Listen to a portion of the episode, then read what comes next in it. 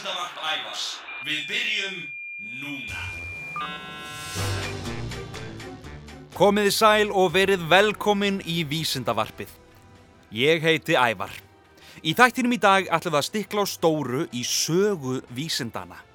Ég ætla að segja ykkur frá fjórum afar merkilegum vísindamönnum. Við byrjum á því að ferðast langt aftur í tíman. Nánar tildekið til ársins 287 fyrir Krist. Herra mínur og frúr, vísindamadurinn Arkimedes. Í þá daga hétu menn oftast bara einu nafni. Arkimedes. Eh, Kanski vegna þess að það voru svo fáir til og alla líkur á því að þú þekktir þann sem verið var að tala um. Arkimedes var ótrúlega merkilegur vísendamadur. Hann fjekst við starffræði, eðlisfræði og stjörnufræði og er á nokkur svafa eitt snjallasti uppfinningamadur fornaldar. Margir teljan einnig eitt merkasta starffræðing allra tíma. Arkimedes lagði mikið af mörgum til starffræðirinnar. Hann kendi grikkjum að tákna stórar tölur en þeir notuði ekki arabíska tölustafi eins og við og áttu í vandraðu með að tákna tölur stærri en 10.000. Og ef þið viljið vita meira um tölur þá mæli ég með því að fara inn á hlaðvarpið eða rú.is skástrík ævar og finna fyrsta vísindavarpið sem fjallar einmitt um töluna 1. Arkimedes fann leið til að reikna út flatarmál rings og fleigboga og bæði yfirborð og rúmmál sívalnings og kúlu. Hann fann líka bísna nákvæma nálgun við töluna pí og bjó auk þess til Arkimedesar skrúfuna sem rómverjar notuðu til þess að dæla upp úr ám og vötnum eða vatni úr námum. En Arkimedes fann einni upp vogarstöng og vindu sem gerði mönnum kleift að lifta og færa til afar þunga hluti. Arkimedes var bísna hreikin af uppfinningu sinni og sagði að ef honum væri fenginn staður til að standa á, gæti hann hreift jörðina. Merkasta uppgötun Arkimedesar var þó engin af þessum ofantöldu. Arkimedes uppgötaði það sem setna var kallað eðlismassi. Eðlismassi er hlutfallið millir massahlutarins og rúmmálans. Ég skal útskýra betur. Uppgötunina gerði Arkimedes þegar hann var að brjóta heilan um hvernig mætti ganga úr skugga um að kórona frændans, Hierons annars konungs, væri úr hreinu gulli.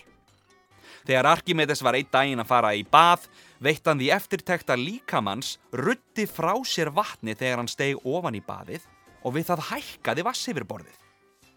Hluturinn tekur sem sagt jafn mikið pláss og vatnið sem hann ítir burt þegar hann er kaffærður. Hér var því komin einföld leið til að mæla rúmmál hlutar eins og kórónu óhá því hver flókin lögun hlutarins var. Það var því hægt að gera þetta svona. Ef tveir hlutir eru jafnþungir, ættu þeir að hafa sama rúmmál ef þeir eru úr sama efni. Hafi kóróna Hírons konungs til dæmis verið jafnþung og klumpur úr skýra gulli en rúmmál hennar meira en rúmmál gullklumpsins, mætti álíkta að kórónan væri að hluta til úr léttari málmi. Því það þarf meira af léttari málmi til að ná sömu þyngd og gullklumpurinn. Þegar Arkimedes uppgötaði þetta er hann sagður hafa hlaupið nakin og æstur um götur Sírakúsu hrópandi Júríka, Júríka sem þýðir ég hef fundið það, ég hef fundið það. Það er ekki vita nákvæmlega hvaða ár Arkimedes dó en það var annarkort 212 eða 211 árum fyrir Krist. Þá var hann 75 eða 76 ára gamall.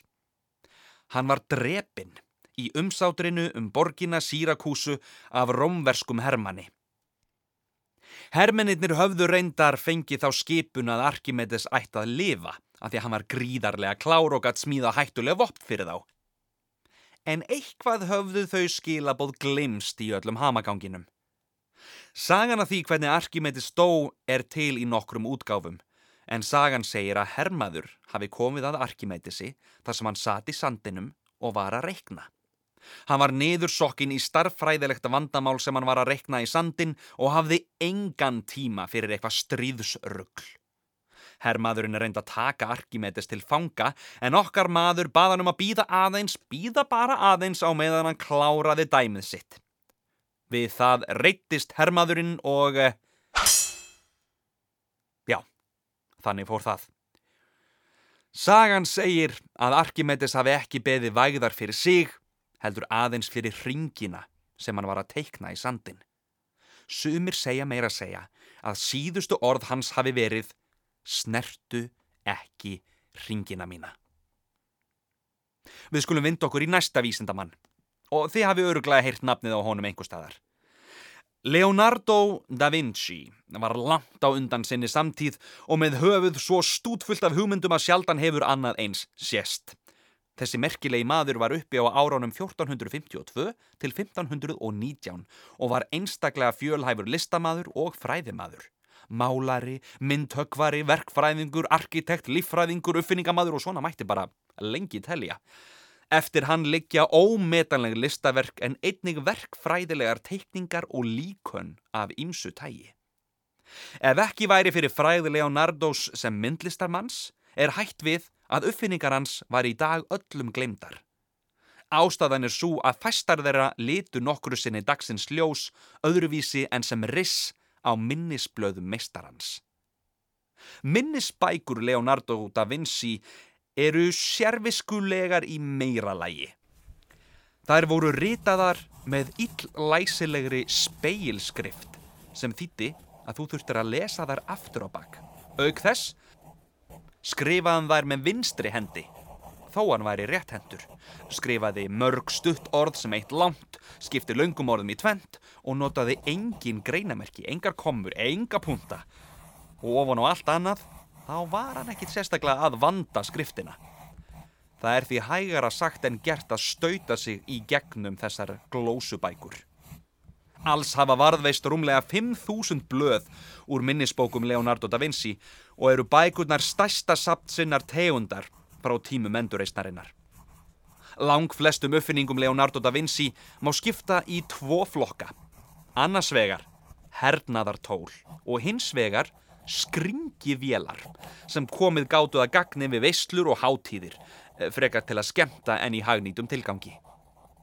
Dæmi um þetta voru sjálfvirkar trommur og vélmenni sem átt að geta veifað og gert hundakúnstir. Og þó skrif Leonardos leiði ljósa hann áleit stríð lægsta stig mannlegar tilveru, þá hikaði hann ekki við það að titla sjálfan sig fyrst og fremst sem hernaðar verkfræðing þegar koma því að ráða sig í vinnu til höfðingja og stórbokka. Í glósubókum hans má finna teikningar af skriðdregum, kavbátum, köfunarbúningum, fallífum og fleiru sem urð ekki að veruleika fyrir en mörg hundruð árum setna. En Da Vinci var ekki aðeins frægur uppfinningamadur. Hann var líka málari. Hann málaði til dæmis eitt frægasta málverk í heimi myndina af Mónu Lísu. Engin veit nákvæmlega hver þessi kona er og eh, af hverjum glottir svo núti annað en það er talið að hún hafi heitið Lísa og verið eiginkona Florentinsks kaupmanns. Samkvæmt samtíma heimildum vann Leonardo að verkinu í fjögur ár og neytaði eigin maðurinn á endanum að borgunum verklaunin. Meðal samtímamanna listamannsins spunnu strax ýmsar sagnir um málverkið og þær aðferðir sem málarinn beitti við gerðes. Ævisagnaritarinn Vasari segir Leonardo til dæmis hafa látið tónlistarmenn spila og syngja og trúða leika listir sínar fyrir hinn að afburða fögru lísu á meðan hann málaði myndina. Það skildi gert til að bæja frá þunglindis blikinu sem sótti gjarnan á fyrirsætur ef það þurft að setja oft og lengi fyrir því að þær þurftu auðvitað að setja graf kyrrar. Það var verið að mála mynd, ekki taka ljósmynd. Málverkið þykir sína fram á snilli Da Vinci's en hann beitti listtækni bræði sem hann hafði lengi verið að þróa.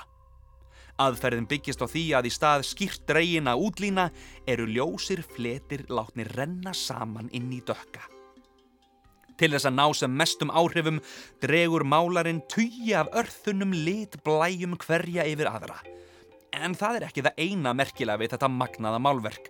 Fjölmarkir hafa líka velti fyrir sér hvað búi í leindardómsfullu brosi Mónu Lísu.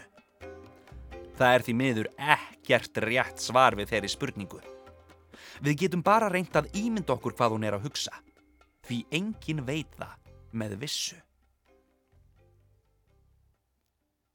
Vindum okkur í næsta vísindamann. Charles Robert Darwin fættist 12. februar 1809 í Shrewsbury í Englandi. Hann er þekktastur fyrir kenningu sína um þróun lífs á jörðu með öðrum orðum þróunarkenninguna. Þegar Darwin var lítill strákur hafði hann sérstakann áhuga á að sapna sínum og rannsaka efnasambönd. Það voru þó ekki allir sem tóku vel í það. Í Shrewsbury skólanum, þar sem hann fekk klassiska mentun og líkaði illa, gerði skólamestarin ofinberlega lítið úr grúski Charles og kallaði það tímasóun. Sá ágæti maður hefur örglega þurft setna að geta það allt ofan í sig. Þegar Darwin var 16 ára gammal fór hann í læknisfræðinám við Edinborgar háskóla. En svo hætt hann, vegna þess að honum fann skurðlækningar án deyfingar eins og týðkaðist á þeim tíma aðeins svo mikið fyrir sig. Meðan Charles dvaldis í Skotlandi kynntist hann dýrafræðing sem frættan um sjávardýr og landfræðing sem ól uppjónum vaksandi áhuga á sögu jarðarinnar. Við erum stött á Galapagos-eigjum árið 1835 með leiðangri sem átt að kanna austur og vestur strendur Suður Ameríku og halda áfram að eigjum Kirrahafsins. Hér stoppuðu þeir í sex vikur en Darvin var um borð sem ólaunaður náttúrufræðingur. Darvin var ötull að gera alls konar aðtúanir á náttúrufari, bæði á lífríki og jarðfræði á meðan ferðinni stóð. Hann held nákvæma dagbók tók síni eftir þörfum og sendi þau jafnvel heim úr ferðinni. Hann var döglegur og gerði því magnaða uppvötun sem átt eftir að hafa áhrif á allt hans líf. Eftir því sem Darwin ferðaðist á milli eigana sem tilhera Galapagos, tók hann eftir því að dýrin sem voru þar voru oft svipuð, en ekki alveg eins. Fingurnar sem flugu um voru, þegar betu var að gáð, með mismunandi gogga. Sumar með minni gogga, aðrar stærri og sömu leiðis voru fingurnar sjálfar misstórar, allt eftir því á hvaða eigu þær byggu. Sama gildi um risaskjaldbökunar og Galapagos eigum. Þær voru misstórar, allt eftir því hvar þær byggu. Og þá gerði Darvin það sem allir góðir vísindamenn gera. Hann spurði hvers vegna. Á þessum tíma trúðu allir því að Guð hefði skapað dýrin nákvæmlega eins og þau voru. Darvin hafði aðra kenningu. Gat verið að öll dýr hefðu á ótal mörgum árum þróast og breyst í gegnum margar, margar, ótal margar kynnslóðir. Breyst til að hæfa umhverfi sínu betur.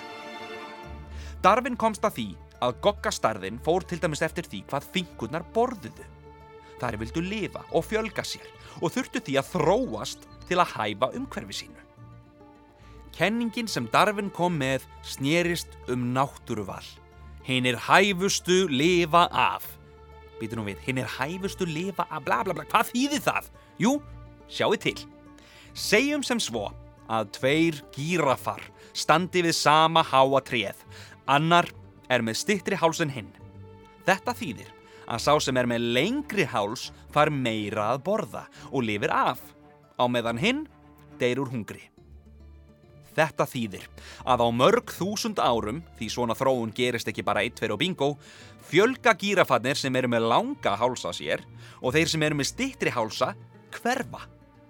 Þess vegna eru allir gírafar með langa hálsa í dag. Þeir hæfustu lifa af.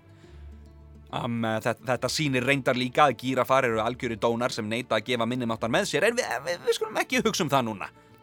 En sama gildur um mannin, mig og þig.